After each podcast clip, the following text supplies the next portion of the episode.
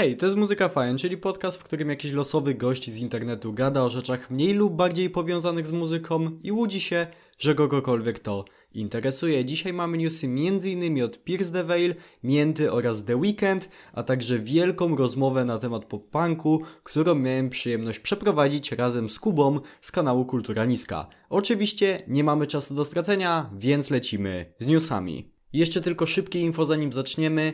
Bardzo przepraszam za wszelkie możliwe dźwięki i szmery w tle.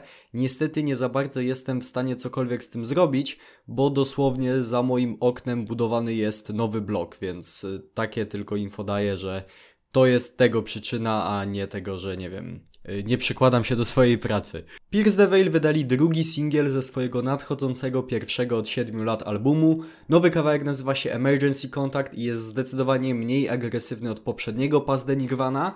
To jeden z tych kawałków zespołu przeznaczony bardziej do popłakania i nie mam z tym problemu, bo też jest naprawdę bardzo solidny i wygląda na to, że przyszły rok może być dla Pierce the Veil fenomenalny. Mięta, czyli duet z pogranicza R&B i hip-hopu, wydał nowy singiel. Pewna. To jeden z bardziej melancholijnych kawałków ich autorstwa, ale przede wszystkim chciałbym zwrócić uwagę na wokale, bowiem to może być najlepszy występ wokalny Skipa w jego całej karierze. Muzycznie zresztą też jest naprawdę bardzo dobrze, więc polecam. Skylar Accord, najlepiej znany jako basista Issues oraz koncertowy basista 21 Pilots, wydał swój drugi solowy singiel i tak jak można się spodziewać, jest funkowo, jest tanecznie, jest dobrze. Cieszę się, że Skylar zdecydował się w końcu wydawać również solowe rzeczy, bo byłaby wielka szkoda, gdyby zmarnował się taki głos i taki talent muzyczny. Oprócz tego szybka wiadomość koncertowa, The Weeknd zapowiedział trasę koncertową po Europie i zawita również do Polski. Nie wiem jeszcze czy się wybiorę, bo jednak swoje za bilety trzeba będzie zapłacić, ale na pewno zapowiada się kapitalne show, nawet pomimo tego, że wydarzenie odbędzie się na niesławnym Stadionie Narodowym. To tyle z newsów na dzisiaj. Teraz zapraszam Was do wysłuchania rozmowy z Kubą z kanału Kultura Niska, który zresztą jakiś czas temu pojawił się już tutaj na podcaście, ale wtedy gadaliśmy na kilka różnych tematów bardziej ogólnie. Dzisiaj gadaliśmy o jednym temacie przewodnim, mianowicie o pop-punku. Gadaliśmy o historii gatunku, gadaliśmy o naszych ulubionych zespołach, ulubionych albumach, o tym jak widzimy właściwie przyszłość tego gatunku i tak dalej, i tak dalej. Wydaje mi się, że zarówno osoby, które kompletnie nie są zaznajomione z tym gatunkiem, jak i fani mogą znaleźć w tej rozmowie coś dla siebie. Jest masa ciekawych informacji, masa ciekawych spostrzeżeń. No i koniec końców wyszła w sumie najdłuższa rozmowa w historii tego podcastu, tak więc ja już nie przedłużam, zapraszam do wysłuchania. Witaj Jakubie na podcaście po raz drugi zresztą. Ten crossover był tak ambitny, że postanowiliśmy zrobić drugą część. No i jak ostatnio sobie gadaliśmy tak bardziej ogólnie o muzyce i też o robieniu YouTube'a e, w Polsce i nie tylko zresztą, e, tak dzisiaj wyszliśmy z taką w sumie inicjatywą, głównie ty, e, za co no w sumie bardzo dziękuję. Ja jak najbardziej jestem fanem tego pomysłu, bo będę miał okazję się wygadać po raz kolejny na ten temat. E, mianowicie pogadamy sobie o pop-punku.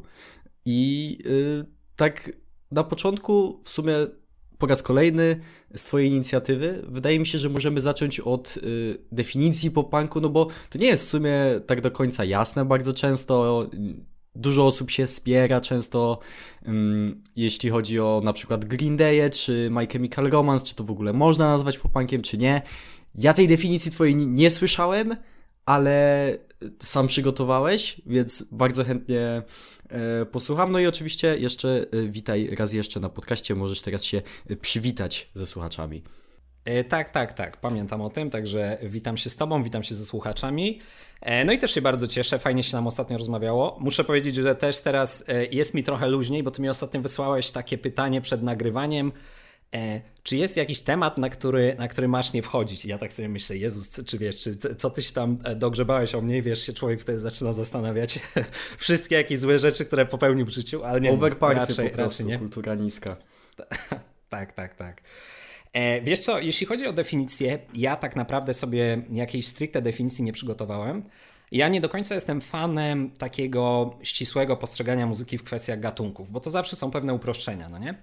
Ale jeżeli byśmy sobie tak spojrzeli na muzykę punkową, jak to się wszystko rozwijało, to oczywiście mamy e, protopunk gdzieś tam pewnie w latach 60.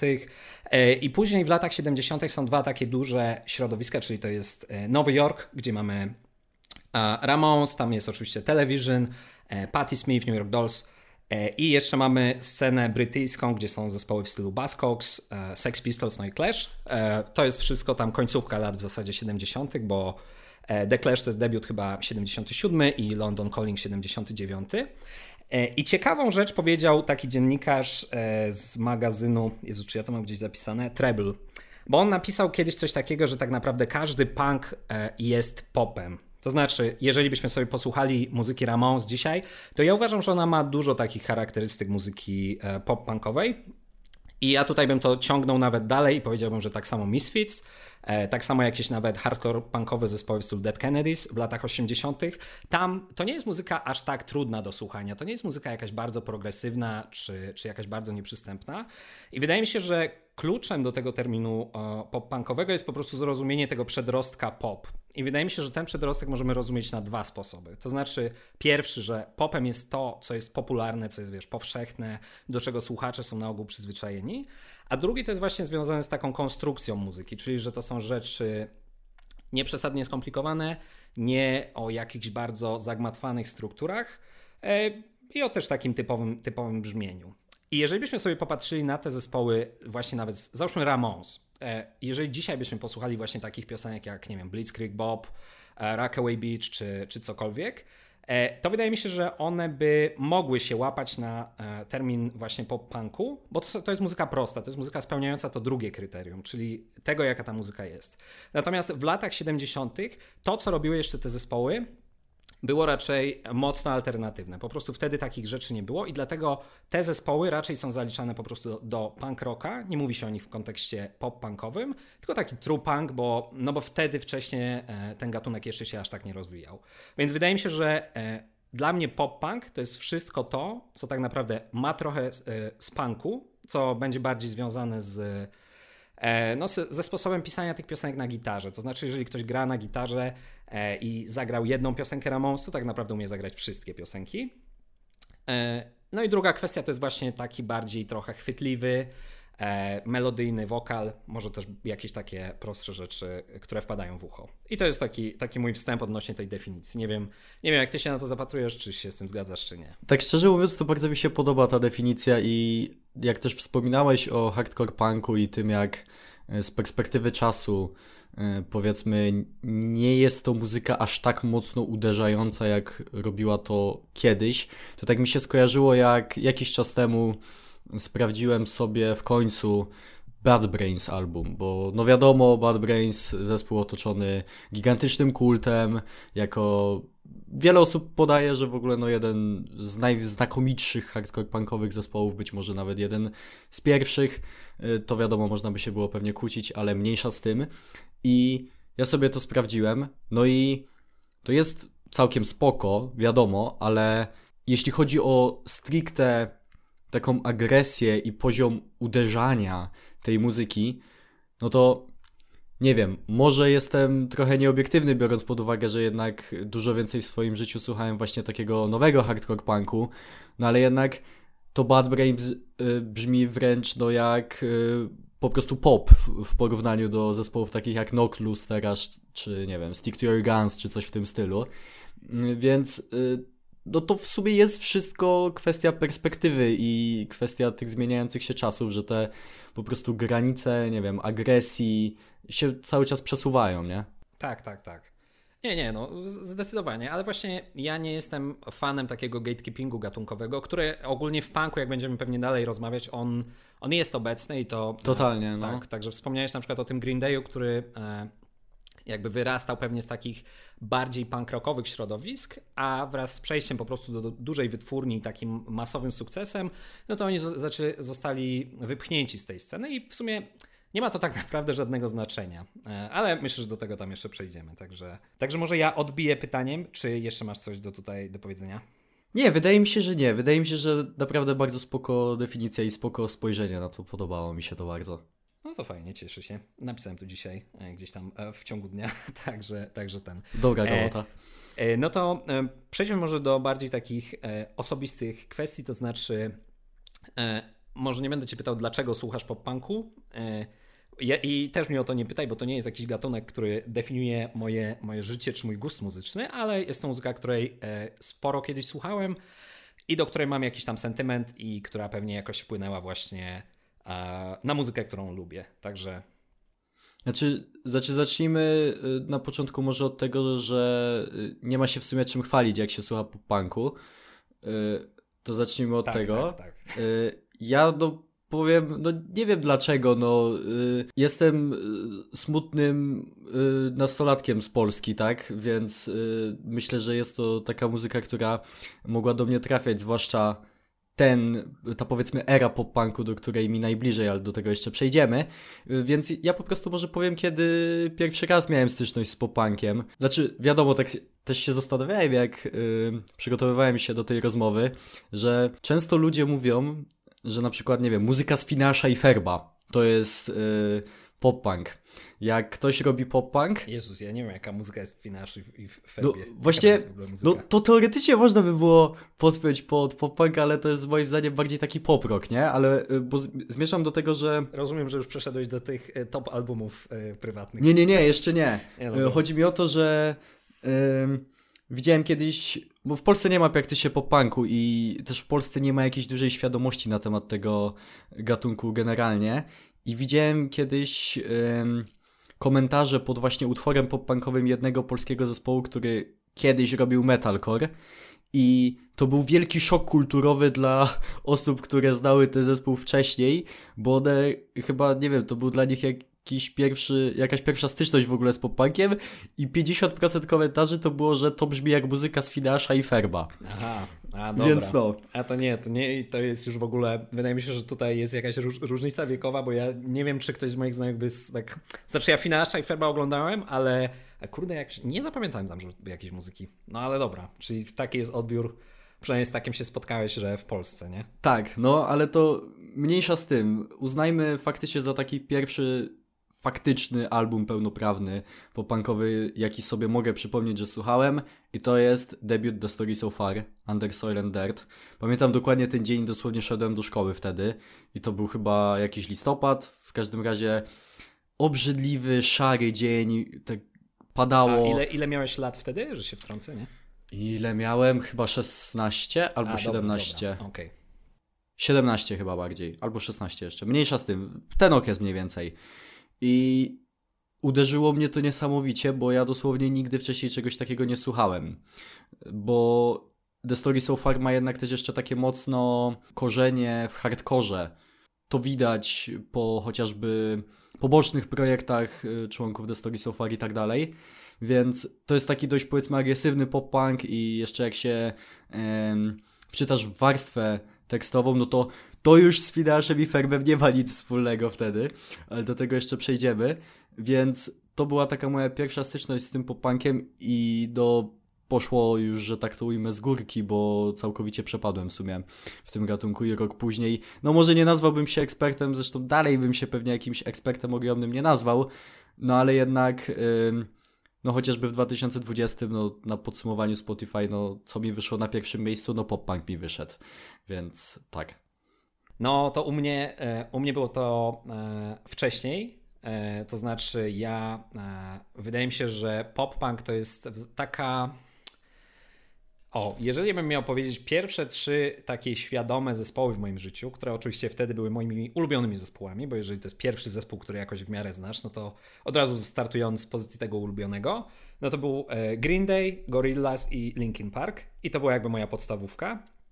E, to znaczy, no, trzecia, czwarta klasa podstawówki, może gdzieś tam się na piątą wylało. E, no i dla mnie, dla mnie to był raczej właśnie ten Green Day, to była płyta e, American Idiot, która w tamtym okresie, no to, no to to jest płyta no, tak mainstreamowa, jak w zasadzie płyta może być, bo to jest, no to jest w zasadzie muzyka, można powiedzieć, że to jest jedna z takich najbardziej to jest płyta, która sprzedała się gorzej niż Duki Green Day'a, ale ja uważam, że ona ma większy zasięg kulturowy. Zdecydowanie. Znaczy, Zdecydowanie. Tak, tak, tak. Bo wydaje, o ile e, Basket Case na przykład nie będzie słuchać twoja, twoja mama, e, to wydaje mi się, że duża część piosenek z American Idiot e, tutaj powiedzmy Boulevard of Broken Dreams czy Wake Me Up When September Ends. To przede wszystkim. No to tak, no to to jest zasięg, to jest muzyka tak uniwersalna, jak to jest tylko możliwe. I to nie jest zarzut do tej muzyki, tylko to jest właśnie też Wydaje mi się, że sukces tej płyty to jest właśnie zrzucenie takich trochę e, potrzeb trzymania się jakichś takich kryteriów tego, co to jest punk, a, a co to nie jest punk. E, więc to była zdecydowanie moja pierwsza taka płyta. E, no i tutaj ja bym wskazał konkretnie na teledysk do piosenki Jesus of Suburbia, e, która, uważ, no, która zrobiła na mnie no, na 10-letnim mnie po prostu niesamowite wrażenie. I szczerze mówiąc, dalej jak sobie puszczam ten teledysk czasami, to zależy od dnia, ale są takie dni, że robi chyba dalej takie samo. Ja uważam, że to jest, e, to jest piosenka, gdzie naprawdę Billy Joe, czyli tam wokalista i tekściarz Green Day'a się wspina absolutnie na swoje wyżyny jakichś umiejętności. No i to jest no nie no, świetny teledysk z tą sceną taką, gdzie, gdzie ten główny bohater sobie, sobie w, tam jest coś takiego, że no piosenka jest o tym, że on w zasadzie chce tam uciec z domu, bo coś tam, coś tam. E, I tam jest taka scena w teledysku, która w ogóle ma jakiś taki trochę plemienny, jakiś taki pierwotny charakter, bo w łazience, która była taka pełna graffiti, ta łazienka jest jakby malowana nową farbą, tam jacyś robotnicy ją malują i ta farba jest jeszcze świeża i ta postać sobie rozcina e, żyletką e, chyba e, jakby dłoń i przykłada taki swój odcisk e, dłoni z, z, z, krwi na ścianie. I ja po prostu, jak ja miałem 10 lat, ja to tak zobaczyłem, to w ogóle wiesz, Jezus Maria, o co to w ogóle, co to w ogóle jest. No wiadomo. E, I tutaj, tutaj, żeby to nie było, to nie jest jakaś taka kwestia emo, że ta osoba była smutna, czy coś tam się jakoś tnie żyletką, tylko to jest bardziej jak, jak jakiś rytuał no nie wiem, jakieś tam a, braterstwo krwi, mm -hmm. że wiesz, coś takiego. Tak, właśnie tak, to tak, robi tak. takie niesamowite wrażenie, że masz tą, masz tą scenę, gdzie właśnie ten Saint Jimmy sobie rozcina tą dłoń żyletką i on ją przykłada do tej mokrej farby na ścianie. Dla mnie to jest... E, to nawet nie chodzi o jakiś przekaz czy coś, tylko to jest genialnie skonstruowane. I wydaje mi się, że teledyski też są dużą siłą tej płyty. No i tyle, nie będę jakoś się rozpędzał, bo... E, ale tak, to jest ta płyta, pierwszy mój kontakt. Bo Green Day jeszcze pogadamy, tak, bo najpierw jeszcze zanim Green Day, to pogadajmy sobie krótko o płycie, której, no, obaj uważamy, że ona się tak sobie zestarzała, ale jakby nie patrzeć, jest dosyć ważna. Nawet nie tyle z muzycznego punktu widzenia, co z jeszcze innego, ale nie będę wyprzedzał faktów. I chodzi o debiutancki album Descendants, czyli Milo Goes to College. Y, I nie wiem, może ty najpierw zacznij, co ty masz do nie, powiedzenia bo ty teraz o tym albumie. Nie, bo ty teraz powiedziałeś, że nie będziesz wyprze wyprzedzał faktów. Aha, ja się zaczynam no zastanawiać, no jakich faktów, więc nie, nie, nie, ja tam... Dobra, czyli już nie możesz się doczekać. No dobra, y, przede wszystkim dlaczego ja uważam, że ten album jest bardzo trafnie zresztą określany bardzo często jako początek pop-punku, jaki znamy, to nawet nie tyle jest warstwa muzyczna, choć to trochę też, ale przede wszystkim warstwa tekstowa. Już tłumaczę dlaczego. Powiedzmy sobie szczerze, jakby pierwsze zespoły punkowe typu Sex Pistols i tak dalej, no to były patusy. To po prostu były skończone patusy, y, destrukcyjne, niesamowicie toksyczne osoby, drące mordę o tym, że nienawidzą świata i tak dalej, i tak dalej. No powiedzmy sobie to wprost. Descendants pokazało coś zupełnie innego. Oni w sobie z kolei pokazali taką incel energy, Y, na dobrą sprawę, bo oni z kolei zaczęli śpiewać o tym, że y, dziewczyna, która im się podoba, y, nie zwraca na nich uwagi. I no to było taką mocno incel energy okraszoną, jak się teraz tak przegląda te teksty. E, tak, to prawda, ale tutaj oddać trzeba, że jest też piosenka, gdzie wokalista śpiewa, że chce się ożenić z jakąś dziewczyną. Tak, to oczywiście, oczywiście. Tak. Wiadomo, że nie wszystko. No, ale czy była tam Incel Energy, czy nie, to jest najmniej istotne. Chodzi o sam fakt, że to jest zupełne wywrócenie warstwy tekstowej do góry nogami, jeśli chodzi o punk. Tak, tak. Dokładnie, jest, dokładnie to samo bym powiedział. E, I też wydaje mi się, że o tej płycie wspominamy na podcaście nie tyle dlatego, że ja się wychowałem na muzyce tam Descendants, e, albo że pewnie ty się nie wychowałeś na muzyce Descendants, e, bo to jest punk z 1982 roku chyba. E, to jest płyta, która się po prostu no, słabo zestarzała, podobnie jak większość tak naprawdę albumów z tamtego mhm. okresu. Ja uważam, że tak. hardcore punk, wszystkie najlepsze zespoły, rzekomo najlepsze, no to one dzisiaj nie mają dużej publiczności, bo to jest muzyka po prostu mm, no taka bardzo surowa produkcyjnie. Tak, tak. E, I tutaj, I tutaj premium mają te albumy, gdzie rzeczywiście do produkcji dołożono się bardziej. I czyli na przykład e, jest płyta Walk Among Us Misfits, która, która brzmi dalej super moim zdaniem. E, no czy właśnie nawet Duki Green Day'a, w które też miało większy budżet po prostu. Ale jeśli chodzi o Descendants, to jest, no to jest dokładnie to, co powiedziałeś. To był zespół brzmiący może nie aż tak różnie od e, innych takich hardkorowych zespołów w tamtym okresie, ale to jest zespół, który e, jakby śpiewał o takich trochę zwyczajniejszych rzeczach, czyli właśnie albo, że jakaś dziewczyna mi się tam e, podoba i ona, ona mnie tam olewa, albo, że jakaś dziewczyna tak mi się podoba, żebym się chciał z nią ożenić. Tam jest nawet taka piosenka o nie pamiętam jak ona się nazywa, Parents chyba, czyli mhm. rodzice, która jest o tym, że rodzice są głupi, że mnie nie rozumieją, no to to już jest w ogóle takie najbardziej podstawowe, takie co jakiś nastolatek mógłby napisać. A z drugiej strony jest, jest też tam dalej trochę takich e, tekstów, e, powiedzmy to z takim zacięciem społecznym czy jakimś e, politycznym, w dużo mniejszym stopniu, ale też są. Mhm. No a oprócz tego też jest taki humor, e, który będzie dalej e, w tej muzyce pop-punkowej obecny, czyli na przykład piosenka I Wanna Be a Bear, gdzie wokalista śpiewa o tym, że chce być niedźwiedziem e, i chce srać w lesie, więc to jest mniej więcej tego typu liryzm, którego możecie oczekiwać od tej płyty. To, to jest to, co później Blink-182 bardzo mocno rozwinie, ale to też jeszcze nie wyprzedzajmy faktów, bo zanim Blink-182, to może wróćmy właśnie do tego Green Day'a, jeśli tak chcemy tą chronologię utrzymać. Y, no i z Green Dayem jest w sumie całkiem ciekawa sprawa, bo część osób może sobie nie zdawać z tego sprawy, ale oni zaczęli faktycznie w takim no, najprawdziwszym punkowym środowisku. Że oni grali faktycznie w tych wszystkich shopach dla 20 osób i tak dalej. I w momencie, w którym oni podpisali kontrakt, yy, nie wiem z którą wytwórnią oni podpisali. E, z, Warner, bo to tam była umowa. Oni wcześniej byli w wytwórni Lookout, czyli tej takiej, tam były jeszcze inne takie zespoły Jezus, jak się to nazywało? Eee, Screeching Weasel? Nie chcę teraz. Yy, tak, tak, tak, tak, Screeching Weasel. Tak, tak, tak, tak. I tam chyba jeszcze The Queers? Może coś takiego?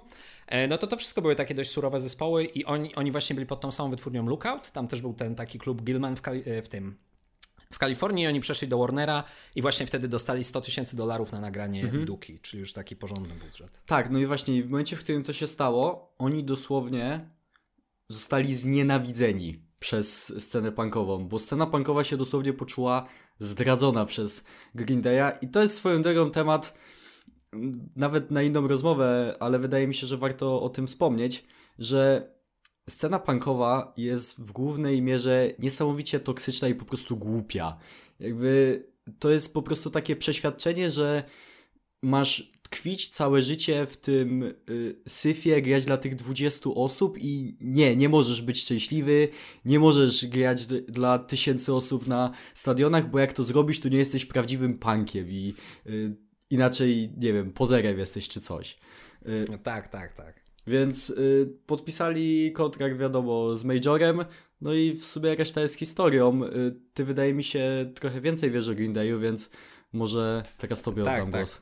E, to znaczy, no Green Day to jest taki zespół, do którego może dzisiaj mam ambiwalentny stosunek trochę, ale no, jeżeli miałbym sumować liczbę odtworzeń w moim życiu wszystkich, to wydaje mi się, że gdzieś tam w top 10, no to ten zespół by się chcąc nie chcąc znalazł. E, no i tak naprawdę ta e, płyta taka przełomowa, o której my mówimy, to jest wydane w 1994 roku Duki, właśnie tam już pod szyldem Warnera. E, no i to jest płyta, która sprzedała się po prostu skandalicznie dobrze. To znaczy, to jest płyta, która sprzedała się niewiele gorzej niż na przykład Nevermind Nirwany. To jest. E, ona jest wyceniana na, to znaczy wyceniana, szacowane to jest nawet na 21 milion, milionów egzemplarzy, co dla, jakiej, do, dla muzyki punkowej w tamtym okresie znaczy wiadomo, to nie sprzedało 21 milionów w tym, razu, w tym jednym wiadomo. roku, ale od razu sprzedało już chyba, jeżeli dobrze pamiętam, 4 miliony, co i tak jest jakimś e, to jest, kompletną abstrakcją. No to jest w ogóle jakiś kosmos totalny. Tak. E, I tak samo w tamtym roku drugim takim ważnym albumem był e, płyta Smash Offspring, która została wydana bodajże dwa miesiące później. I to jest tak samo wszystko, e, wszystko w Kalifornii, chociaż z tego co wiem, to Offspring nie był już na tej samej wytwórni na Lookout. Ale no, to jest płyta, która tak naprawdę. E, Finn McKenty z kanału e, Punk Rock NBA, nie wiem czy go kojarzysz. Kurwa. On porównał. Nie kojarzysz? Mordo. E, gdyby no, nie dobrze. on, to by mojego kanału nie było. No dobrze, dobrze. Nie, nie tak właśnie się zastanawiam. Dawałem 90% kojarzysz? 90% nie, o, o Finie ale... to ja bym mógł osobny podcast zrobić.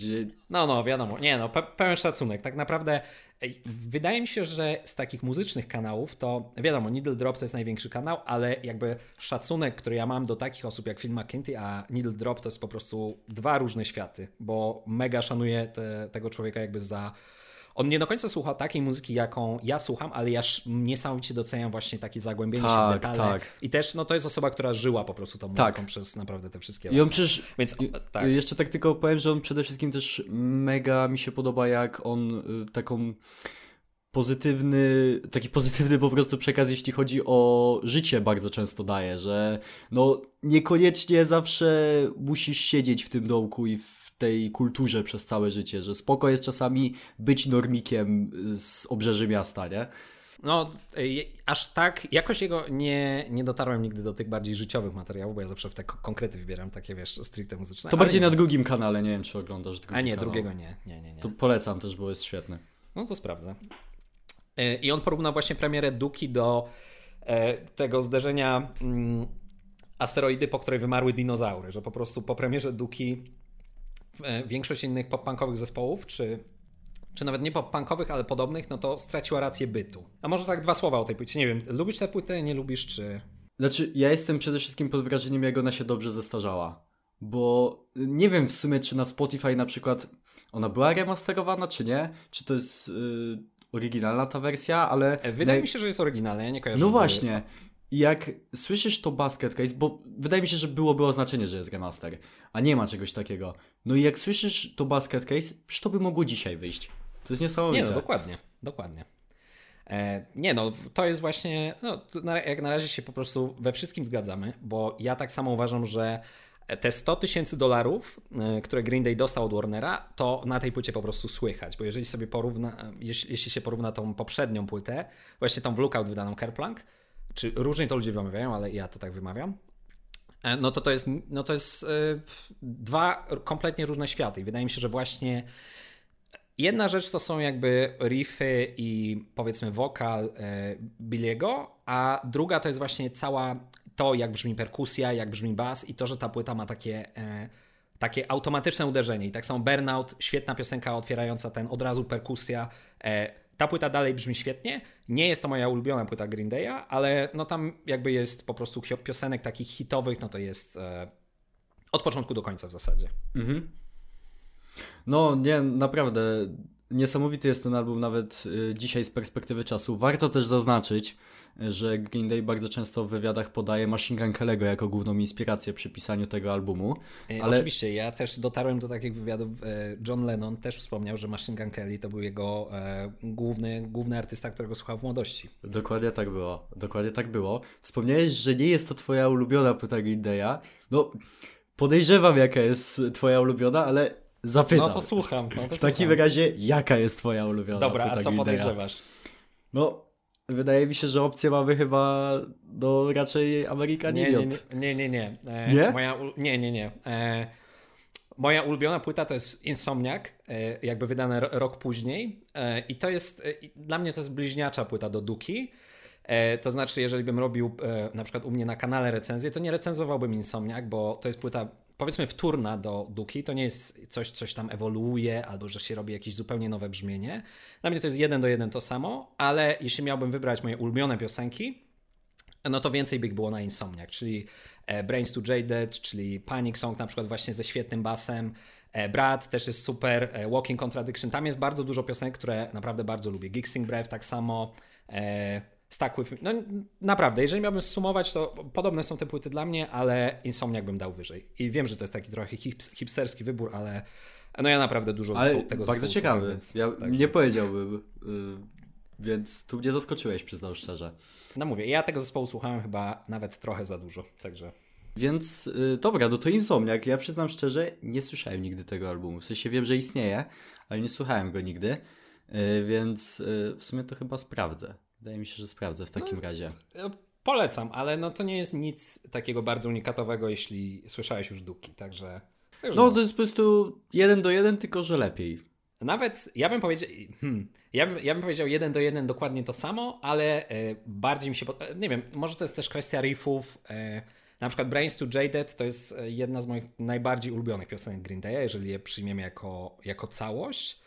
E, no i też, też e, Gixing Breath, e, czy dużo, wydaje mi się, że pod kątem takich riffów, czy pomysłów takich gitarowych, to ta, ta płyta jest po prostu ciekawsza dla mnie, bo na przykład Duki ja też Green Day'a słuchałem wtedy, jak na gitarze dużo grałem, no to po prostu Insomniac grałem najwięcej, bo mi się najbardziej mi się podobało, także. No to dobra.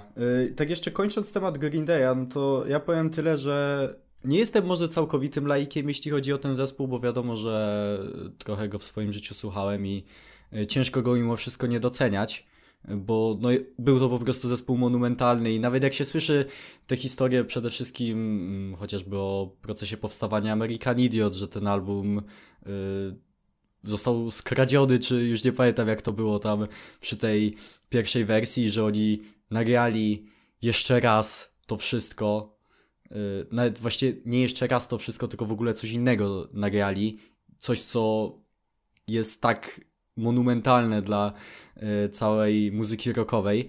Yy, nawet jeśli zostali boomerami dzisiaj i y, swoje nowe albumy reklamują plakatami z tym, że y, brak szwedzkich producentów, y, brat, brak tra trapowych bitów, 100% czystego roka.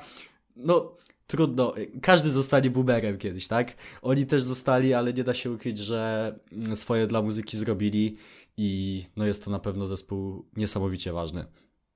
E, tak, ale ja tutaj powiedzmy jako taki, no nie chcę się nazywać ex-fanem Green Day'a, no, bo ja dalej lubię ten zespół, tylko go po prostu aż tak nie słucham. I jeśli miałbym e, dzisiaj coś na przykład o American Idiot powiedzieć, to wydaje mi się, że w ostatnich kilku latach ta płyta m, mm, tak u mnie osobiście trochę spadła, bo jakby to, co tam jest świetne, jest dalej świetne i o tym w ogóle nie ma, e, nie ma jak dyskutować. Natomiast to jest płyta tak dość, e, dość podstawowa gitarowo. Wydaje mi się, że niektóre na przykład solówki na tym albumie jak dawniej, no to dla mnie to była po prostu solówka, leci coś w piosence, no to tak teraz dla mnie to jest nawet taki element, który trochę ujmuje tym piosenką, ale myślę, że no tak czy tak, czy, tak, tak jak powiedziałeś, no to jest jeden, jeśli nie jeden z, to tak naprawdę można powiedzieć chyba najbardziej e, taki jak to się mówi, taki, że z sukcesami zespół. E, taki, no pod kątem sprzedaży to tak naprawdę trudno jest wskazać drugi zespół punkowy czy około punkowy, który miałby takie wyniki sprzedażowe, że to jest po prostu zespół punkowy, który przebił się do mainstreamu tak jak żaden inny naprawdę. A przynajmniej w tamtym momencie, bo w sumie yy, możemy płynnie teraz przejść do następnego giganta no dobra, tej no. sceny pop-punkowej, zesp do zespołu, który no, jest mi dużo bardziej e, bliższy, jakby nie patrzeć już, jeśli chodzi o stricte o e, kwestie muzyczne czyli do Blink-182. I tu mamy w sumie kolejny trochę przewrót w tym świecie muzyki punkowej, no bo o ile jeszcze, tak jak mówiliśmy, Green Day zaczynał chociażby w tej faktycznej scenie punkowej, no o tyle Blink-182 już nie. To były po prostu dzieciaki z klasy średniej, które lubiły muzykę punkową, ale nie zamierzały w żaden sposób punków udawać. I y, też jednak y, ta muzyka uległa jeszcze większemu wygładzeniu mimo wszystko niż, y, niż mamy to przy okazji Green Day'a czy Descendants. Oczywiście wiadomo, y, hipsterzy Blinkowi powiedzą, że pierwsze trzy albumy, czy tam pierwsze dwa albumy Blinka, no to to jest skatepunk prawdziwy i tak dalej. Wiadomo, ale jeśli mówimy o Blinku, no to jednak wiadomo, że najbardziej te esencjonalne trzy albumy to jest Enema, y, Self-Titled i Take Off Your Pants and Jackets, wiadomo. Więc yy, no Blink-182 tu wchodzi, znowu wywala wszystko do, do góry nogami i w pewnym momencie jest dosłownie największym zespołem na świecie. Tak. Tak i tutaj e, to nawet nie jest jakaś... E to nawet nie jest kwestia jakichś takich walorów muzycznych czy coś takiego, tylko warto sobie zdać sprawę, że właśnie tamten okres, czyli 99 rok i parę lat później, e, pop-punk w Stanach był po prostu taką domyślną muzyką. Jesteś jakimś właśnie takim, jak powiedziałeś, normikiem, nie interesujesz się specjalnie jakimiś gatunkami czy płytami, tylko to jest, taka, to jest taki soundtrack twojego życia, gdy masz jakieś 13 do pewnie 17 lat. E, no i właśnie tutaj, jak mówiliśmy o tych wynikach sprzedażowych, to Enema of the State to jest e, tak samo, no 15 milionów sprzedanych egzemplarzy. To jest coś, co powiedzmy 10 lat wcześniej dla muzyki punkowej, no to było jakimś kompletnie abstrakcyjnym światem. E, I tutaj, tak jak powiedziałeś, to już, to już jest punk, który nie, nie wyrasta za bardzo ze sceny punk, e, punkowej. I to, to jest właśnie dla mnie ciekawe, że dzisiaj, jak też trochę przygotowywałem się do tego podcastu, E, to w kontekście Green Day'a natrafiłem na, bo to, że Green Day był zawsze wypychany z tego punk rocka, to dla mnie było jasne, jak miałem 10 lat, e, bo to tam jakiś kolega też mi to wtedy wypominał. E, to natomiast natrafiłem też na takie opinie, że Green Day nie jest zaliczany też do pop-punku, bo właśnie on jest zbyt punkowy na, na ten pop-punk, który był wtedy właśnie. O, tym, o tym okresie, o którym teraz mówiłem, to jest oczywiście przede wszystkim Blink 182, ale tam były też wszystkie zespoły w stylu Sum 41. E, no, później to też były trochę inne rzeczy. Newfound Glory, e, Taking Back Sunday to już trochę powiedzmy w inną stronę idzie. Nie wiem, czy mm, Simple Plan to też był chyba wtedy? E, Simple Plan e... troszeczkę później, ale. Czy trochę później. Ale generalnie też ten okres mniej więcej. No tak, ale no tak jak powiedzieliśmy wszystko. No, tylko że właśnie. Y dla mnie Green Day też tak jeszcze zahaczając o to, co powiedziałeś, ja też z nim właśnie miałem zawsze taki problem, bo trochę miałem takie wrażenie, że on jest zbyt punk rockowy na pop-punk, ale z kolei zbyt pop-punkowy na punk rock, więc nie mam, myślę, aż tak y, dużo sensu się nad tym w sumie y, zastanawiać, nie wiadomo ile. No ale faktem jest, że Blink-182 na dobrą sprawę został templatem dla pop-punku na następne 20 lat i można w sumie nawet dyskutować, że nawet dzisiaj, bo jak sobie poczytasz czy posłuchasz wywiadów z członkami zespołów pop-punkowych, czy to y, obecnych, czy powiedzmy nieco starszych z 5-10 lat temu. Mało kto podaje Green Day'a, mimo wszystko. Nie, że nikt, ale w porównaniu do osób, które jako główną inspirację podają Blink-182, to jest bardzo mała liczba, bo praktycznie wszyscy podają Blinka. E, tak, tak. Ja się właśnie mm, też z tym spotkałem. E, to było może też tak trochę widoczne parę lat temu, gdy emo, emo rap był popularny, bo to są oczywiście muzyka, która chyba pod kątem przede wszystkim melodii, linii wokalnych du dużo czerpie po prostu z tej muzyki. I dla mnie to było trochę dziwne, że e, przynajmniej dla, dla mnie, jako takiej osoby, która w zasadzie słuchała głównie tego Green Day'a i szukała podobnych rzeczy, że właśnie ten Green Day nie był raczej tak wspominany, a raczej Blink-182. I może to jest kwestia tych po prostu przesunięcia o 5 lat, no bo to jest, nie wiem, 94, 99, no i potem tak, tak, dużo zmienia i po prostu może to się demografia też trochę rozminęła. Yy, czekaj, coś tu jeszcze było. No i tutaj jeszcze wspomnieliśmy o tym humorze przy okazji Descendants. A, tak, tak. tak, tak wydaje tak. mi się, że właśnie Blink-182 też dodał to do tej muzyki, że już pomijając kwestie takie, wiesz, brzmienie, czy, czy nawet o czym są te teksty, no to też jeżeli się zobaczy, to znaczy o czym są te teksty, no to też jest ważne, ale właśnie ten humor, który się tam e, też często przewijał, czy nawet, e, ja bym powiedział, teledyski, e, czy nawet okładki albumów, te, tytuły albumów, no wiadomo, Take Off Your Pants and Jacket, Jacket, wiadomo. No, i wydaje mi się, że to jest, to jest ten właśnie, tak jak powiedziałeś, ten szablon, na którym budował, budował się sukces tej muzyki, bo właśnie pierwsze lata, powiedzmy 2000, no to jest właśnie no taki naprawdę mainstreamowy sukces e, pop-punku i wtedy takie zespoły jak Blink-182, e, no to był powiedzmy taki Drake e, dzisiaj, czyli powiedzmy taka, no może nie dzisiaj, ale no załóżmy parę lat temu, gdzie Drake miał rzeczywiście ten twój taki pik. Ja bym w sumie niestety powiedział, że obawiam się, że nawet teraz może Drake mieć pik popularności, ale to może nie gadajmy o tym, bo to jest dosyć, to jest depresyjna perspektywa bardzo. Jezus. Nie załamuj mnie, ale nie, dobra. To jest, to jest drażliwy dla mnie temat. Ale nie, ja myślę, że on jest już na takiej e, równi pochyłej. Myślę, że on będzie tak stopniowo wygasał. Przynajmniej taka jest moja prognoza. Dobra, nie gadajmy może o Drake'u teraz, bo to jest przygnębiające bardzo. Dobra, to pozwól, że tak, tak, że ja e, przejdę dalej. Tam są jeszcze w tamtym okresie, to jest też taki moment, że bo po co, o właśnie, jeszcze e, tak jak powiedziałeś, że Blink-182 był na przykład wspominany jako inspiracja dla późniejszych zespołów pop-punkowych, to na przykład Blink-182 jako inspirację wskazywało The Des no, Descendants. Co nam tak ładnie to wszystko zamyka, że w zasadzie idziemy po kolei i nie pomijamy jakichś szczegółów, bo wydaje mi się, że jeżeli się rozmawia, no załóżmy, no dzisiaj rozmawiamy o historii muzyki, może to jest 20 e, lat temu, 30 lat temu, ale warto jest się zastanowić, które jakby rzeczy były najpierw, a które rzeczy były pewnymi może nie imitacjami, ale zespołami, które starały się po prostu podążać za jakimś nurtem. I wydaje mi się, że tutaj raczej dobrze wskazaliśmy te istotne zespoły, czy właśnie tam Descendants, e, rok 94, czyli Duki i Smash, no i później właśnie Blink-182, który był tym największym zespołem. E, no, sorry, bo to była taka dygresja. Tam jeszcze chciałem wspomnieć po prostu o takich rzeczach właśnie tam Newfound Glory, Taking Back Sunday. To są trochę odmienne zespoły i Newfound Glory na przykład później kontynuowało działalność wtedy, gdy ta muzyka była mniej popularna. E, I tutaj po prostu takie, no, szacunek z mojej strony, skinienie głową dla tego zespołu.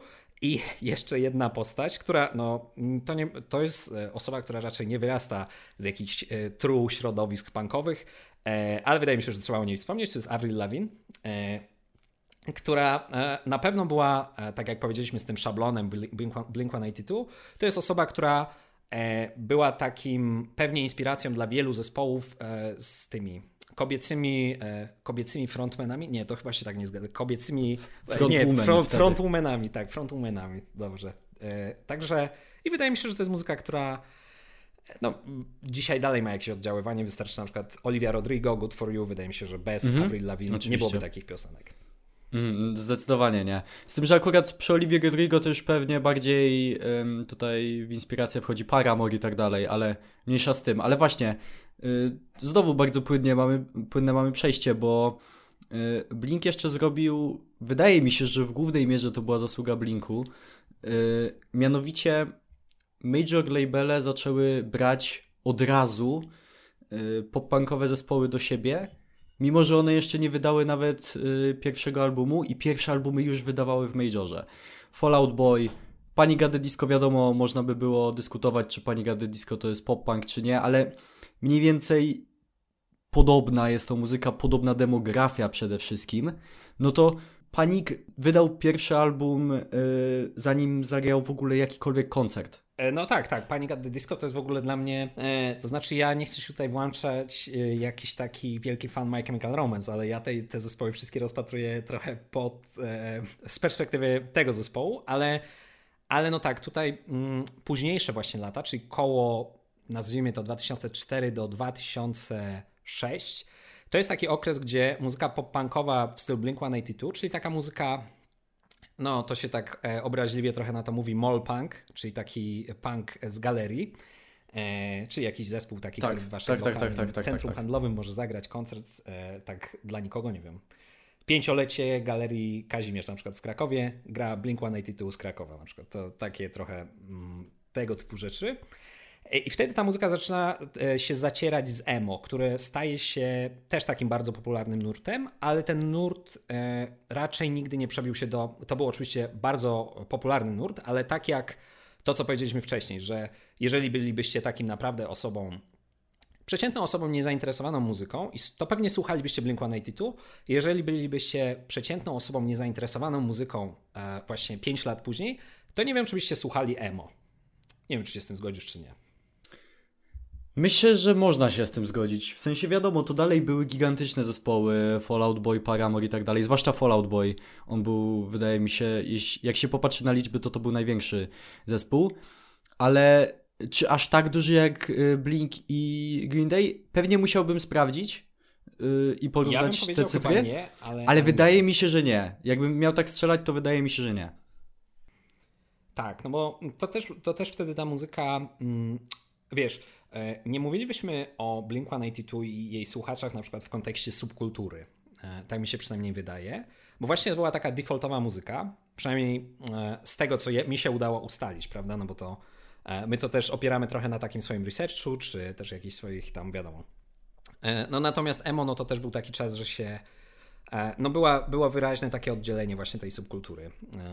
Więc tak mi się wydaje. No oczywiście do Polski to przyszło trochę później i tak naprawdę E, no emo w Stanach, no to może być załóżmy tam e, Free Cheers, For Sweet Revenge, które recenzowałem na kanale, właśnie e, From Under the Cork Tree, dobrze mówię? Tak, dokładnie. I, I co tam jeszcze było? Panic at the Disco Fever You Can Sweat Out. No i no mamy to... Riot Paramoru na przykład. Tak, tak, też, tak.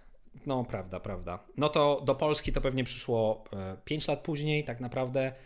E, no i, no i co? I wtedy mieliśmy też takie zespoły w Polsce jak e, Blok 27, które w ogóle balansowały na granicy chyba wszystkich możliwych światów, czyli trochę jakiejś kultury skaterskiej, trochę kultury emo, trochę, nie wiem, jeszcze tego, co jakiś producent miał akurat w głowie wtedy, w tym dniu. Także.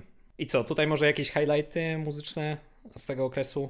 Nie wiem, mówiłeś, że z tego okresu tak. Znaczy, ja przede wszystkim ostatnio mam fazę na Paramore, się zacząłem zagłębiać. Bardziej w ich dyskografię. I do przemyślenia mam takie, że zespół uważam był bardzo niesłusznie często sprowadzany do trochę takich industry plant, bo dużo tych takich gigantycznych zespołów faktycznie dostało od razu szansę w Majorze, to prawda. No ale umówmy się, znajdźcie mi lepszą wokalistkę od Hayley Williams w tym gatunku. No, no, no nikt mi nie powie, że nie zasługiwali na to, bo wiadomo, że zasługiwali. Tak samo Fallout Boy, no to jest, wiadomo, nie jestem jakimś gigantycznym fanem, bo też w sumie nie znam jakoś bardzo dyskografii y, Fallout Boy, wiadomo, znam te najważniejsze albumy i tak dalej. Ale no tak samo, to są po prostu niesamowicie dobre zespoły. Patrick Stamp też jest po prostu naprawdę świetnym wokalistą, tak na dobrą sprawę. Tak, tak. Ja, e, ja może tutaj jestem trochę. E, zapomnijmy na razie o My Chemical Romance. To tak, ja również, również lubię te, e, te dwa zespoły, akurat też jakby mam do nich duży szacunek. I, I te płyty właśnie From Under Cork Tree i Tom, Jezus, Infinity on High, nie wiem czy to Infinity on High, dokładnie. E, to są płyty, które całkiem lubię. Natomiast ja mam taki trochę sceptyczny stosunek do e, Panic at the Disco i tak jak powiedziałeś o Industry Plants, ja, ja nie wiem, może nie chcę jakichś zbyt dużych słów używać, bo to jest kompletne takie moje prywatne odczucia, ale właśnie to, co powiedziałeś, że oni na przykład zostali podpisani zanim e, w ogóle zagrali chyba jakikolwiek e, koncert, tak? Tak, znaczy Brendona Yuri możesz obrażać tutaj na podcaście dowoli. Aha. Nie, nie, to, to znaczy wiesz, pomij, pomijając jakby późniejszą działalność, bo to jest oczywiście e, zupełnie inny świat niż e, to, co było na tej pierwszej płycie.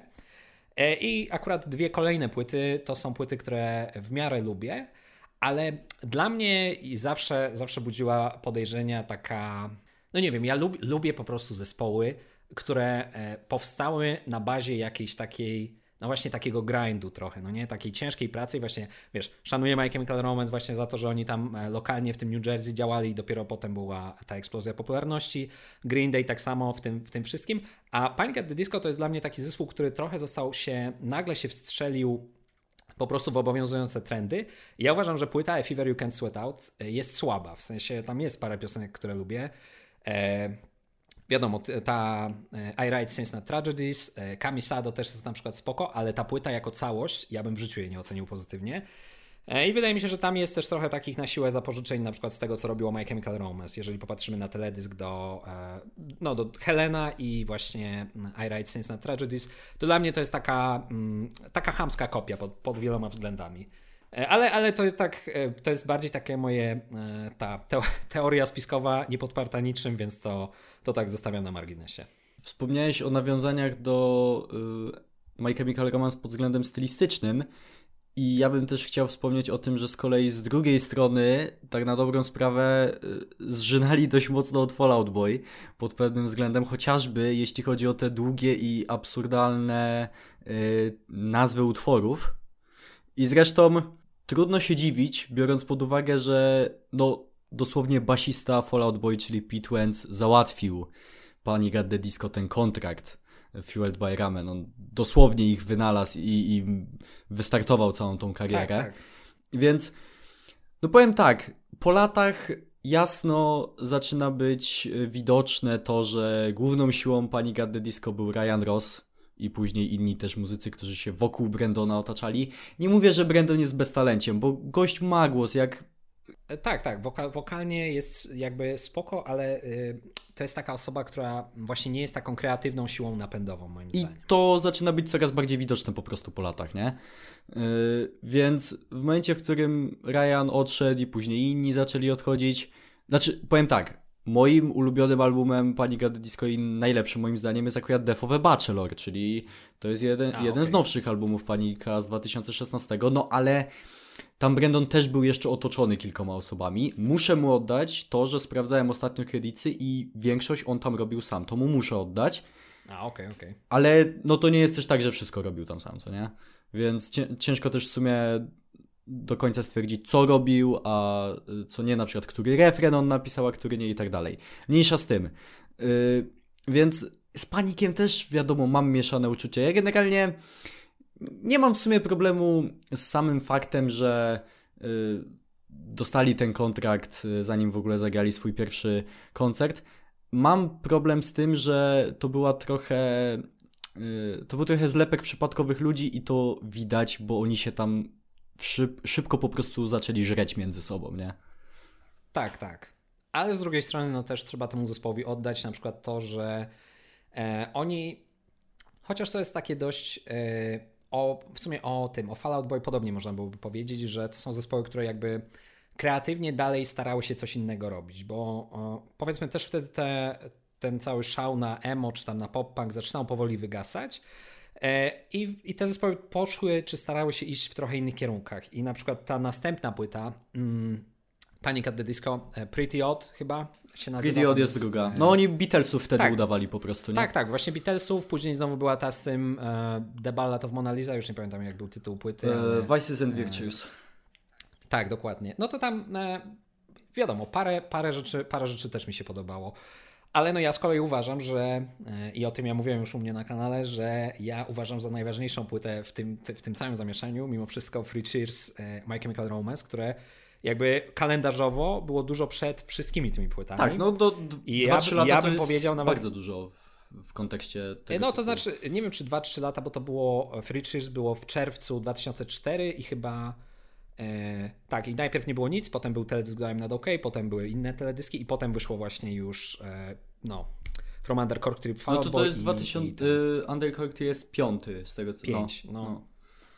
no. no, Ja też bym powiedział na przykład, że y, nieco muzycznie e, Fall Out Boy na tamtej płycie zżynało od My Chemical Romance, bo jeżeli sobie posłuchacie e, pre-chorus z Dance Dance i pre-chorus z I've Never Told You What I Do For A Living, no to moim zdaniem tam jest duża, duża zbieżność, ale no. To tak jakby bardziej też na marginesie i jakby, e, jakby nie wartościując tutaj jeden lepszy, drugi gorszy, tylko tak, tak zaznaczając. No ale wracając, bo ci przerwałem trochę. Przerwałem ci o tym Free Cheers, a zacząłeś mówić, że to jest najważniejsza e, płyta i że no, jakby nie patrzeć, wyszła zdecydowanie, no może nie zdecydowanie, ale wyszła najwcześniej, yy, wcześniej niż wszystkie Paramory, Fallout Boy i tak dalej. E, tak. E, tylko ja tę płytę traktuję, wiesz, no to jest właśnie też ciekawe, jeżeli tak się spojrzy na historię muzyki, bo możemy sobie albo ujmować wszystko w nurty i wiesz, mówić, że to wpłynęło na tamto, to było razem z tymi zespołami, robiło jakąś scenę. I to się sprawdza w większości przypadków, ale ja uważam, że też są takie płyty, które mm, oczywiście nie są jakieś kompletnie odosobnione, ale w których y, jest po prostu, mm, może jest tak unikatowa kombinacja, czy jest włożone też jakieś dodatkowe elementy, że one są trochę mm, ponad niektórymi rzeczami. I tak samo ponad nie mówię, czy ponad, czy obok nawet, bo ja tej płyty nie traktuję jako coś, co było jakoś bardzo powielane, ale to jest coś, co miało duży wpływ po prostu na tamte zespoły. I może pojedyncze zespoły, pojedyncze elementy były brane, ale ja te płyty traktuję tra trochę jako coś osobnego. E, no ale nie, no ja, Jezus, ja naprawdę nie będę się rozpędzał na temat tej płyty. Ja e, uwielbiam ten album. no, wiesz ile razy ja przesłuchałem tę płytę w, e, w poprzednim roku, czy, czy jak, bo pisałem recenzję, to ja przesłałem chyba z 1100 skrobli miałem w, jakby przed zrobieniem recenzji u mnie na kanale, a no gwarantuję, że to też nie był jakby pierwszy raz, kiedy miałem styczność z tą płytą. Także e, no, polecam, może jednym słowem, także. E, to ja z kolei polecam przede wszystkim właśnie Twoją recenzję tego albumu. E, uważam, że, wa że warto sprawdzić, bo naprawdę świetna robota personalnie jeden z moich ulubionych filmów twojego autorstwa, więc tak, polecam dziękuję, bardzo serdecznie sprawdzić. Mój, e, mój ulubiony film e, mojego autorstwa, ale no tutaj też dużo, dużo jakby pracy w samo napisanie włożyłem. Ale no dobra, myślę, że możemy powoli przejść do e, kolejnego etapu, bo to jest taki, e, ja zrobię ci wstęp, bo tutaj e, ty trochę przejmiesz, e, przejmiesz pałeczkę. później z, zaczyna być taki okres, gdzie właśnie mm, ja bym powiedział, że fani czy słuchacze tej muzyki zaczynają dorastać, a ta muzyka zostaje trochę w miejscu. To znaczy, ona tak zaczyna, bazo- zaczyna być jakby adresowana do e, tych słuchaczy, których miała na początku. Słuchacze poszli już trochę dalej, a muzyka albo została w miejscu, albo poszła na bok, ale nie poszła do przodu razem z nimi. E, I ja uważam właśnie, że to może być taki trochę przyczyna takiego spadku popularności, bo wtedy no wtedy zaczynały być też inne rzeczy. No tutaj jesteśmy w roku jakimś 2008, no to pojawiają się już tacy, pojawia się Kanye West, pojawia się jakaś muzyka indie, e, płyty już wydali, wydali wtedy na przykład Arctic Monkeys, e, więc wtedy zostaje to tak spchnięte na taki margines i może nawet e, trochę, może nie do podziemia, ale, ale zdecydowanie nie jest to już mainstream. No i tu wkraczasz ty, który mówiłeś, że akurat ten okres jest ci najbliższy, czyli właśnie po tym takim szczycie popularności przychodzisz ty i słuchasz tych wszystkich zespołów. Zespoły mają dzięki tobie skroble na Spotify i mają e, za co kupić chleb e, codziennie rano. Dokładnie. Za moje 2000 skrobli dostali pół dolara do podzielenia się na 5 osób, więc y, uważam, że zapewniam im byt i lepsze jutro. Y, a tak całkowicie poważnie, ten okres często się nazywa po prostu Tumblr pop-punkiem, bo nie zgadniecie, fani używali Tumblera wtedy. I o ile wszystkie te prawie wszystkie, bo Descendants to w sumie bardziej po czasie są y, jakoś tak bardziej w świadomości szerszej pamiętani, ale no wiadomo, te wszystkie Green Day, Fallout Boy i tak dalej, każda z tych air pop punku miała przynajmniej taki jeden naprawdę gigantyczny album, co nie? który był mainstreamowym sukcesem. I Tumblr pop punk tego nie ma. Ja sobie sprawdziłem, y, specjalnie przygotowując się do tego podcastu, sprawdziłem sobie dyskografię y, kilku największych zespołów y, z tego okresu i ten okres nie ma ani jednego top 3 na głównej liście Billboardu. Najwyżej był Neck Deep z The Peace and the Panic na czwartym miejscu. W 2017 to było, o ile dobrze pamiętam, 40 e, tysięcy kopii, ale to do dzisiaj jest 40 tysięcy kopii, więc oni w pierwszym tygodniu podejrzewam, że mieli tak z 30 tysięcy sprzedane, nie? No więc porównując to z największymi albumami Blinka czy Green Day'a, no wygląda wręcz śmiesznie. No i y, faktem jest, że komercyjnie jest to najgorszy okres w historii pop-punku. Zdecydowanie, bo nawet ten okres, który już teraz widzimy, gdzie y, raperzy i tiktokerzy robią pop-punk, no nawet ten okres ma już jedynkę na Billboardzie, przecież y, MGK z Tickets to My Downfall.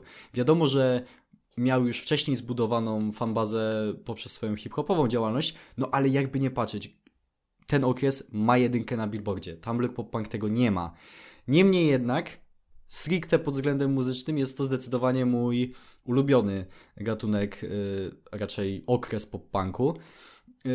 Myślę, że dużo ma wspólnego z tym po prostu mój wiek i fakt, że od tego okresu pop-punku też zacząłem. Y, no i on, tak jak mówię, trwał mniej więcej te 5 lat. I takie najbardziej esencjonalne zespoły, o których myślę, że warto wspomnieć, no to przede wszystkim The Story So Far wspomniane wcześniej, ale również Neck Deep, y, The Wonder Years, Real Friends czy State Champs.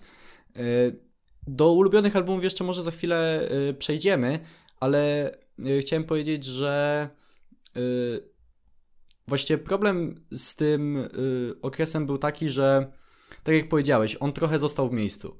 On po prostu trochę został w miejscu, jak się patrzy na, z perspektywy czasu na te albumy, one wydaje mi się za bardzo chciały bazować na tym, czego słuchali w dzieciństwie te zespoły. Za bardzo bazowały na tym. No bo jednak jak patrzymy na przykład na dokonania, powiedzmy, Wiadomo, że się śmiejemy wszyscy z MGK-a, ale oddać mu trzeba nie to, że śmiać, na przy... to jest w zasadzie ostatnie lata, to pod kątem rockowych topów na Billboardzie to jest co? MGK i Tool chyba z nową płytą, także y, no, tak, tak, dosłownie. Jest, tak I, I nic więcej.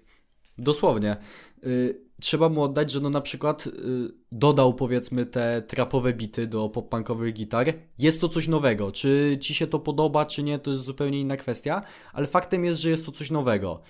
Owszem, te zespoły mm, próbowały trochę y, z hardkorowej sceny y, dawać y, jakieś elementy, głównie w kwestii wokali, ale to było za mało. To wszystko było za mało po prostu, żeby odnieść jakiś taki gigantyczny mainstreamowy sukces. No i też swoją drogą po prostu trochę nie trafili czasowo, no bo wiadomo jak jest z trendami. No to jest sinusoida. Były złote lata, więc musiały przyjść po prostu lata posłuchy i trafiło po prostu na Tumblr Pop Punk, nie? No tak, dokładnie. Wiesz co, tam wtedy, co mówiłem, że zespoły zostały w miejscu, nie chodziło mi nawet o tą scenę, e, tą późniejszą, której ty dużo słuchałeś, tylko mówiłem o tych zespołach, które były popularne A, właśnie wtedy. Okay. I one, to wiesz, też. no, nie, zdążyły, nie, nie, nie zdołały za bardzo tej popularności utrzymać, nie? że słuchacze To też, dalej, to okej. Okay. To źle zrozumiałem, ale to tym bardziej się zgadzam. No, ale, ale z tym e, właśnie to jest taka część muzyki pop-punkowej, która jest mi kompletnie obca, bo ja wtedy jakby poszedłem w inną stronę, bo mm, No ja najpierw metalu słuchałem, potem też takich starszych rzeczy, tam Beatlesów też dużo, później muzyka indie, hip-hop, więc to mnie trochę ominęło, ale na swoim kanale dużo razy właśnie o Neck Deep wspominałeś. Ja wcześniej tego nie, zna nie znałem tego zespołu, a, zachęci a zakodowałeś mi jakby tę nazwę w głowie i nie wiem, czy kojarzysz, jest na YouTubie taka kompilacja Pop Punk Bands Hate This Town. Kojarzysz to? oczywiście, no, oczywiście. No właśnie. To jest, to jest taki e, klip, e, który zbija po prostu fragmenty, gdzie wszystkie zespoły pop-punkowe śpiewają o tym samym, czyli o tym, że nienawidzą swojego miasteczka, czy tam miasta, z którego są. Co jakby pokazuje właśnie taką wtórność, powtarzalność i brak oryginalności tej muzyki. No i oczywiście świetna zabawa, ja to sobie słuchałem dużo razy. I z tych wszystkich zespołów na początku, w tej pierwszej części, bo oczywiście są trzy różne części, e, to właśnie brzmienie Neck Deep tej piosenki e, Can't Kick Up, Can't Kick Up The Roots chyba, e, ono mi się tam e, niesamowicie wyróżniało muzycznie, bo to jest muzyka, która brzmi 10 razy lepiej niż wszystkie pozostałe zespoły właśnie w tej kompilacji. I, i to mnie tak trochę skłoniło, żeby, żeby posłuchać więcej tej płyty. Ta płyta, Jezus, jak ona się... Life's Not Out To Get You. Life's Not Out To tak. Get You. Mhm. Ja uważam, że to jest super płyta. I tak samo ta piosenka, nawet możemy się śmiać, że zostali umieszczeni w tej kompilacji pop-punk bands Hate This Town, ale ta piosenka jest zupełnie o czymś na odwrót. Dokładnie. I to jest właśnie dokładnie. dla mnie też potwierdzenie po prostu, że to jest e, mimo wszystko zespół z czymś ekstra. E, w porównaniu z takim przeciętnym właśnie pop-punkowym zespołem, bo to jest zespół, który nie śpiewa o tym, że o, nie podoba mi się tu moje miasteczko, nie chcę stąd jechać, wyrwijcie mnie stąd. Ludzie, komunikacja miejska, e, autobusy, pociągi, to nie jest żaden problem się przeprowadzić, więc naprawdę śpiewanie o czymś takim kompletnie do mnie nie trafia. A tutaj Negdip śpiewa bardziej o tym, że jasne, są w jakiejś takiej dziurze w tej wali, czy skąd oni są, ale mimo wszystko to jest ich dziura, e, no i tutaj się zestarzeją. Świetny tekst, świetna piosenka, także tutaj też dzięki po prostu za umiejscowienie tego zespołu na jakiejś mojej takiej muzycznej mapie, która jakby mnie skłoniło do tego, żeby go sprawdzić. Proszę bardzo, ja właśnie y, już się aż rywałem, żeby to powiedzieć, ale mnie uprzedziłeś. Nie, nie, właśnie się, się, zastanawiałem, czy wytrzymasz, czy nie, bo to tak. Tak, bo właśnie y, dla mnie to jest y, niesamowicie y, takie ironiczne wręcz i y, z perspektywy czasu to jest super klamra na tym y, okresie, bo właśnie Life's Not Out To Get You wychodzi w 2015 i to jest taki musiałbym sprawdzić dokładnie, czy Knucklepack wydało później e, w ciągu tego roku, czy wcześniej, ale generalnie ostatni taki duży album tego okresu. I to jest niesamowicie ciekawe, że album, który moim zdaniem jest najlepszy w ogóle w całym tym okresie, wywala kompletnie do góry nogami większość rzeczy, która była tłuczona przez te kilka lat, bo po pierwsze, wszystkie te zespoły mówiły o tym, jak nienawidzą swojego miasta i wychodzi Deck Deep i mówi no może to jest dziura, ale to jest moja dziura i nic z tym nie zrobię, więc mogę się albo obrazić, albo po prostu być dumnym z tego, że jestem właśnie z tej dziury. I przede wszystkim sam tytuł albumu, Life's Not Out To Get You, to była szok. To... W sensie, na, na, wiesz, na tle innych tekstów, no, to jest w ogóle jakieś bluźnierstwo. Tak. tak? Life's not tak. Czy coś, ty, przecież wszyscy są przeciwko tobie, ty się powinieneś użalać i tak dalej, nie? To było tak niesamowite odświeżenie i tak miłe odświeżenie po y, po prostu kilku latach y, słuchania y, najsmutniejszych możliwych tekstów, jakie widział ten gatunek prawdopodobnie kiedykolwiek, że absolutnie się nie dziwię, że spośród tych wszystkich zespołów to właśnie Negdip się najbardziej wybił, że to on odniósł największy sukces i że jako jeden z bardzo niewielu zespołów tak na dobrą sprawę rośnie z roku na rok coraz bardziej. Wszystkie te zespoły, wiadomo, y, jeśli chodzi o swoją popularność, spadają, spadają. Kilka się powiedzmy utrzymuje na w miarę niezłym poziomie, a Negdip idzie cały czas w górę i to nie jest przypadek. Tak. E, I tutaj to, co powiedziałeś, że w tym wypadku to jest trochę kwestia mm, no, nietrafienia w czasie, bo ten zespół, e, gdyby był powiedzmy trochę wcześniej, to pewnie byśmy dzisiaj o nim wspomnieli wcześniej właśnie w kontekście z tych jednych największych grup, e, czy najbardziej wpływowych, bo na pewno talent, czy, czy jakaś taka umiejętność przekazania w muzyce czegoś ciekawego, no to tam jest bezdyskusyjnie. A właśnie trochę tego e, też mi brakuje właśnie często w tych takich e, wtórnych zespołach pop-punkowych, że tam jest że tam nie ma nic ciekawego do powiedzenia tak naprawdę, a dla mnie to jest przeważnie zawsze, zawsze istotne. I tutaj na przykład e, wrzucę tylko taki cytat z tego Can't Kick The Roots, e, który bardzo mi się podoba i on jest właśnie tam na e, pre-chorusie, czyli Day by day we grew to love this place and where I make my grave my anchor lays, czyli tam dzień po dniu nauczyliśmy się kochać to miejsce i tam, gdzie będzie mój grób, leży moja kotwica. I nie wiem, e, no lubię takie rzeczy po prostu, bo to nawet nie jest nie jest coś w stylu, o, nie mam wyjścia, muszę tu zostać, tylko właśnie pewna taka afirmacja, akceptacja tych Dokładnie. ograniczeń i zrobienie z nich czegoś pozytywnego. No, ja w pełni szanuję, także... Kocham ten kawałek, to jest chyba mój ulubiony kawałek Neck Deep, y, zarówno pod względem tekstowym, jak i muzycznym. I cieszę się, że właśnie też yy, zwróciłeś uwagę na ten tekst, bo uważam, że on jest niesamowicie ważny w tym kawałku i no po prostu kocham ten tekst, kocham ten kawałek, nie? Tak, tak, tak. A on też nie jest znowu taki, bo ja tutaj oczywiście, oczywiście przytoczyłem jakiś najbardziej taki poetycki fragment, ale on jest właśnie, zachowuje z pop-punku tą taką przyziemność, bo tak. tam, tam nie jest tylko o tym, że jakaś e, kotwica, jakiś mój grób, tak, tak, tak. Tam, tylko tam jest o tym, gdzie tam... E, Jezus, e, Jake sobie było. łamie palec pijąc piwo nad tak, jeziorem. Ktoś, tak, pije piwo, coś tam jakieś I remember the football games. first time Takie that I got late i tak dalej. No. E, tak, tak, też. No. I zresztą y, w sumie y, nie wiem, czy to nie jest aż za daleko idący wniosek, ale wydaje mi się, że warto o tym wspomnieć, bo było takie nagranie swego czasu krążące po, y, po emo świecie, jak Juice WRLD, świętej pamięci, śpiewał właśnie kawałek z pierwszej, z drugiej epki, nie, z pierwszej epki Neck Deep właśnie. Więc, o, serio? Tak. Nie wiedziałem nawet. I więc właśnie on był fanem i no nie wiem, wydaje mi się, że mimo wszystko Neglib mógł mieć y, swoją rolę w tym, jak brzmiała muzyka Juice WRLD'a, nie? No, pewnie tak. Jeżeli, jeżeli słuchał, to myślę, że myślę, że na pewno. No i dzisiaj mamy, dzisiaj mamy Machine Gun Kelly i w zasadzie tyle. Także. No, Machine Gun Kelly i kilka, kilku innych y, TikTokerów. Y, ja generalnie powiem tak, znaczy umówmy się, do co ich obchodzi moje zdanie, ale powiem tyle, że ja daję błogosławieństwo po prostu może nie odpierdalajcie jakichś totalnych głupot i niech się znajdzie ktoś, kto jest bardziej ogarnięty życiowo od MGK'a. Ale y, ogólnie za, sam, y, za samą muzykę w miarę szanuję, nawet jeśli y, nie ja już jestem targetem głównie i spoko, że nie jestem targetem. No, o to chodzi w tej muzyce, żeby trafiała przede wszystkim do nastolatków, nie? Znaczy, no ja nie jestem jeszcze nie wiadomo jak stary, wiadomo, ale też nie mam 13 lat, nie? No ale wiesz co, nie mam e, kompletnie nic do powiedzenia na ten temat. E, oczywiście wiem, kto to jest. Oczywiście może posłuchałem z dwóch czy trzech piosenek, ale nie mam w ogóle żadnego zdania. E, to znaczy, no. Żadnego zdania, może żadnego pozytywnego zdania, a jeżeli miałbym wygłaszać negatywne zdanie, to bym musiał najpierw więcej tego posłuchać. Więc e, tyle z mojej strony na ten temat. Z MGK miałem tak, że to jest straszne rozczarowanie po prostu i niewykorzystany potencjał. Moim zdaniem przynajmniej. Znaczy, komercyjnie może nie, bo wiadomo, że komercyjnie to jest wykorzystany potencjał do maksimum. Chyba nikt się tego nie spodziewał mimo wszystko.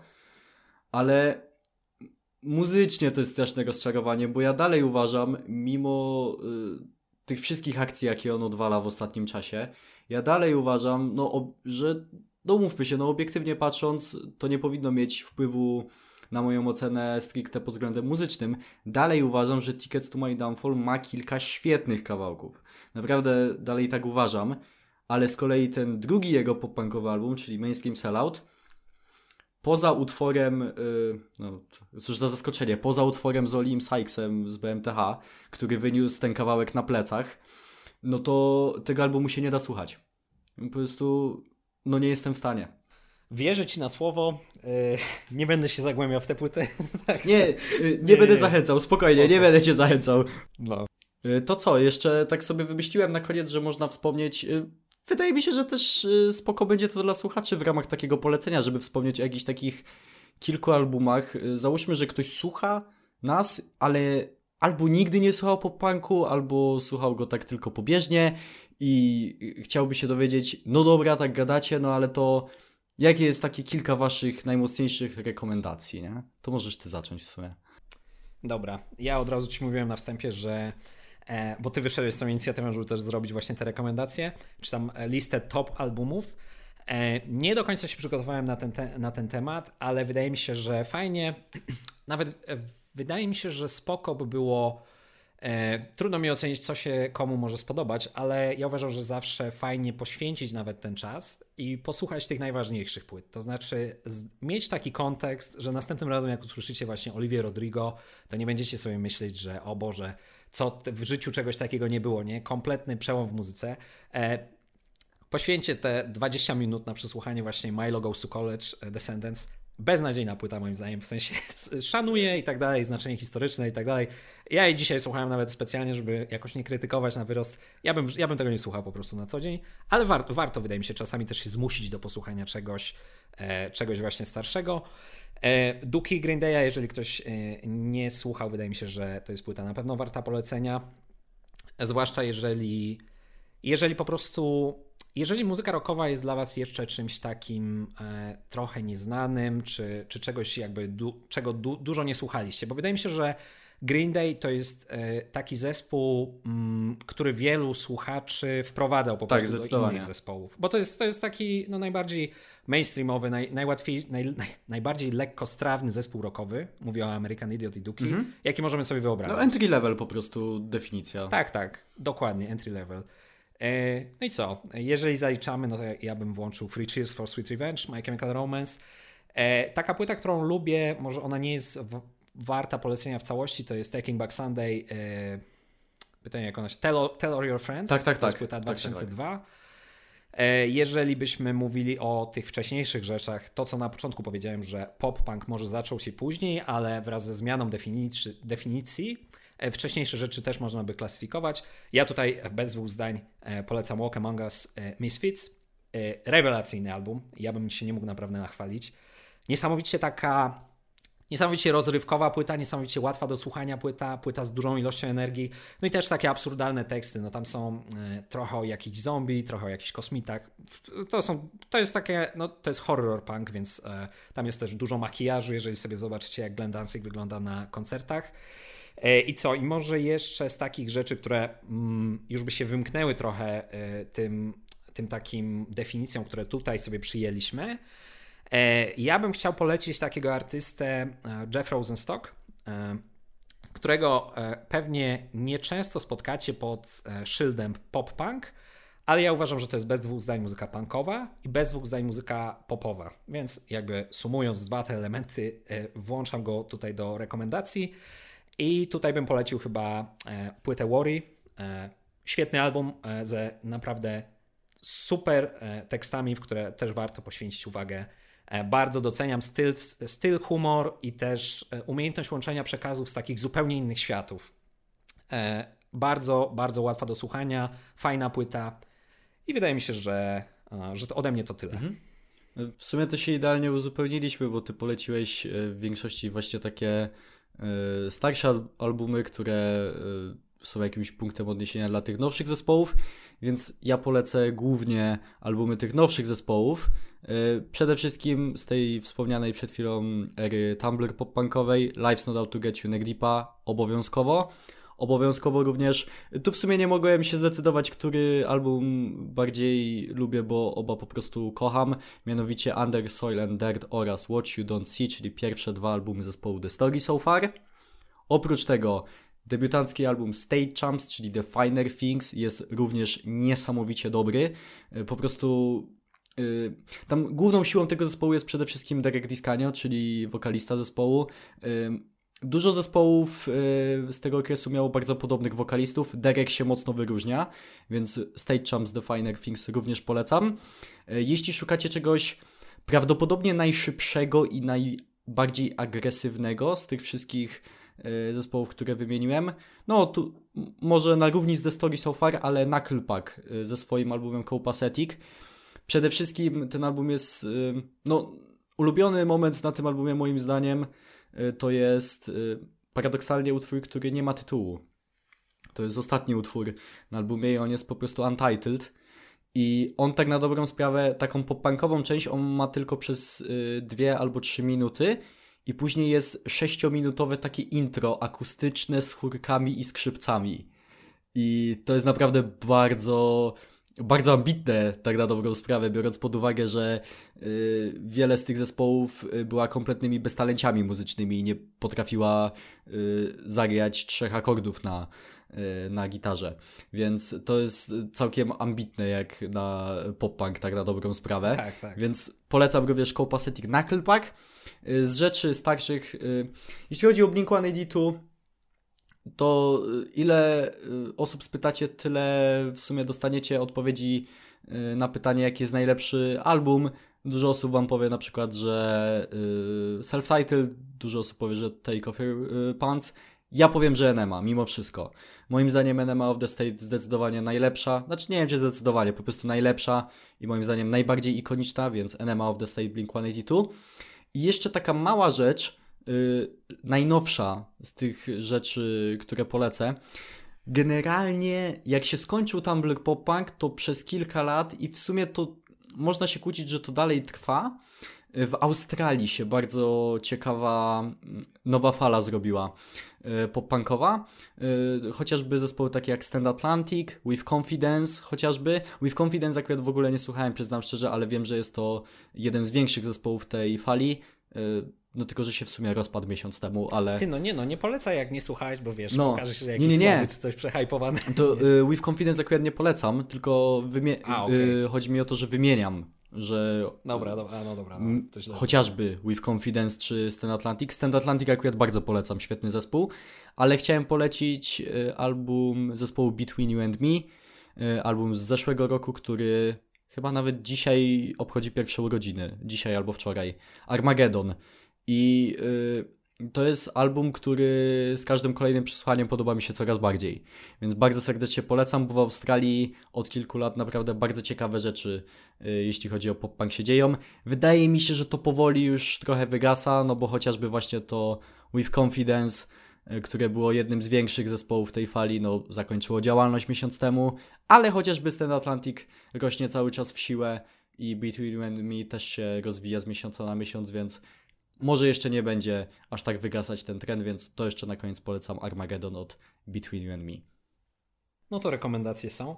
E, już e, ciągniemy godzinę chyba ileś tam, ale wcisnę jeszcze jedną rzecz właśnie z rekomendacji. I nie wiem, czy to jest pop-punk, nie wiem, czy coś tam może jest z tego, ale jest taki zespół.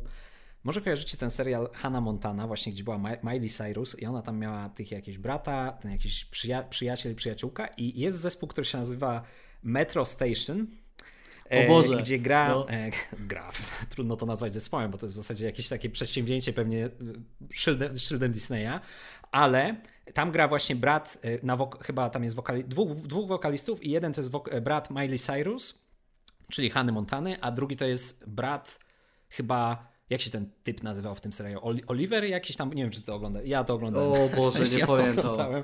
Ale i brat jego jest właśnie dwóch braci, powiedzmy, gwiazd Disneya i to jest beznadziejny zespół, ale mają jedną piosenkę, która jest dla mnie Shake, Shake It. tak, i to jest, to jest taki to jest taki banger, w sensie e, No to, to jest banger, e, no, nie można po prostu z tym dyskutować. Tak, ja nawet nie wiem, czy to jest pop-punk, ale stwierdziłem, że jeżeli tak weszliśmy na rekomendacje, no to e, Shake It Metro Station to jest Certified Classic 10 na 10 i tyle. Tak, tak, tak. No to już jest bardziej taki pałek. No wiem, wiem, ale to tak. Można by się było kłócić, nie wiem, ale tak. Yy, dosłownie to jest też bardzo śmieszne, jak się popatrzy na streamy Metro tak, Station tak, tak. do Spotify, bo Shake It tam ma, nie wiem, to jest 200 milionów yy, streamów i później następny utwór ma jakieś 10 tak, tak, milionów, tak. a później to już mają w ogóle tak, po no milion. Bo, za, wiesz, zawsze, zawsze zapomnisz zapętlić, no i ci wskoczy ten następny utwór, no i tym sposobem na przykład się nabiło 10 milionów w następnej piosence, także... Tak, tak, e, kompletnym przypadkiem. Kurde, nie pamiętam jak się nazywa ten jej brat nawet, e... e ten Cyrus, bo ich jest tam kilku, no, nie, nie mogę sobie przypomnieć. E, Trace, no, tak, on jest tak, Trace. A ten drugi to nie pamiętam. Z tym, że no jakby, no umówmy się, no Trace jest takim bucem, że y, ciężko się dziwić, że Metro Station nie zaszło jakoś dalej. Y, on kiedyś miał nawet Speed as All Time Blow swoją drogą na y, gali Alternative Nie no, słuchaj, Awards, nie wiem, to, to nie wiem o nich drogą. kompletnie nic. Y, ja jestem nieziemskim fanem Shake It I tyle. Nie, nie wiem w ogóle, czym oni się zajmują poza tym, czy, czy coś tam ten. Tak Zresztą to nie ma znaczenia. Nagrali tak, Shake tak, It, to jest, wiesz, nic innego nie ma tak, znaczenia. Tak, jakby odkupia y, wszystkie winy, wiesz, wszystko, wszystko co złego zrobią Dokładnie. w życiu, czy, czy zrobili, także tutaj jest Shake It jako tak, więc, Redemption Arc. Więc zanim y, przesłuchacie te wszystkie albumy Blinka, Y, Ramones Nie, i tak w ogóle dalej. olać tam tą y, muzykę. Jeżeli macie jedną piosenkę posłuchać, to posłuchajcie Shake It. Walić te wszystkie, wiesz, Green Day'e, Misfits, całą tą... Y, muzyka, e, jeżeli macie posłuchać jednej piosenki, to to jest Shake It Metro Station. 2007 chyba, no. Jeśli macie posłuchać z kolei jeszcze dwóch, możecie dorzucić Bloody Valentine Machine Gun Kelly'ego i to jest wszystko, co was powinno w gruncie rzeczy interesować. Cały ten wywód, tak na dobrą sprawę, nie miał żadnego znaczenia. Słuchajcie, Metro Station i Machine Gun Kelly'ego, a ja Ci, Jakubie, dziękuję bardzo serdecznie e, za kolejną przebiłą rozmowę. E, I jeśli masz jeszcze jakieś e, kilka słów, które, z którymi, którymi chciałbyś się podzielić ze światem, no to jest teraz na to moment. Wydaje mi się, że nie, także dzięki też za całą rozmowę. O, może, bo Wiesz co, tak naprawdę mojego kanału ja specjalnie nie wysyłam moim znajomym. To znaczy większość e, z moich subskrypcji, tam 900, no to może moich znajomych jest 10-15.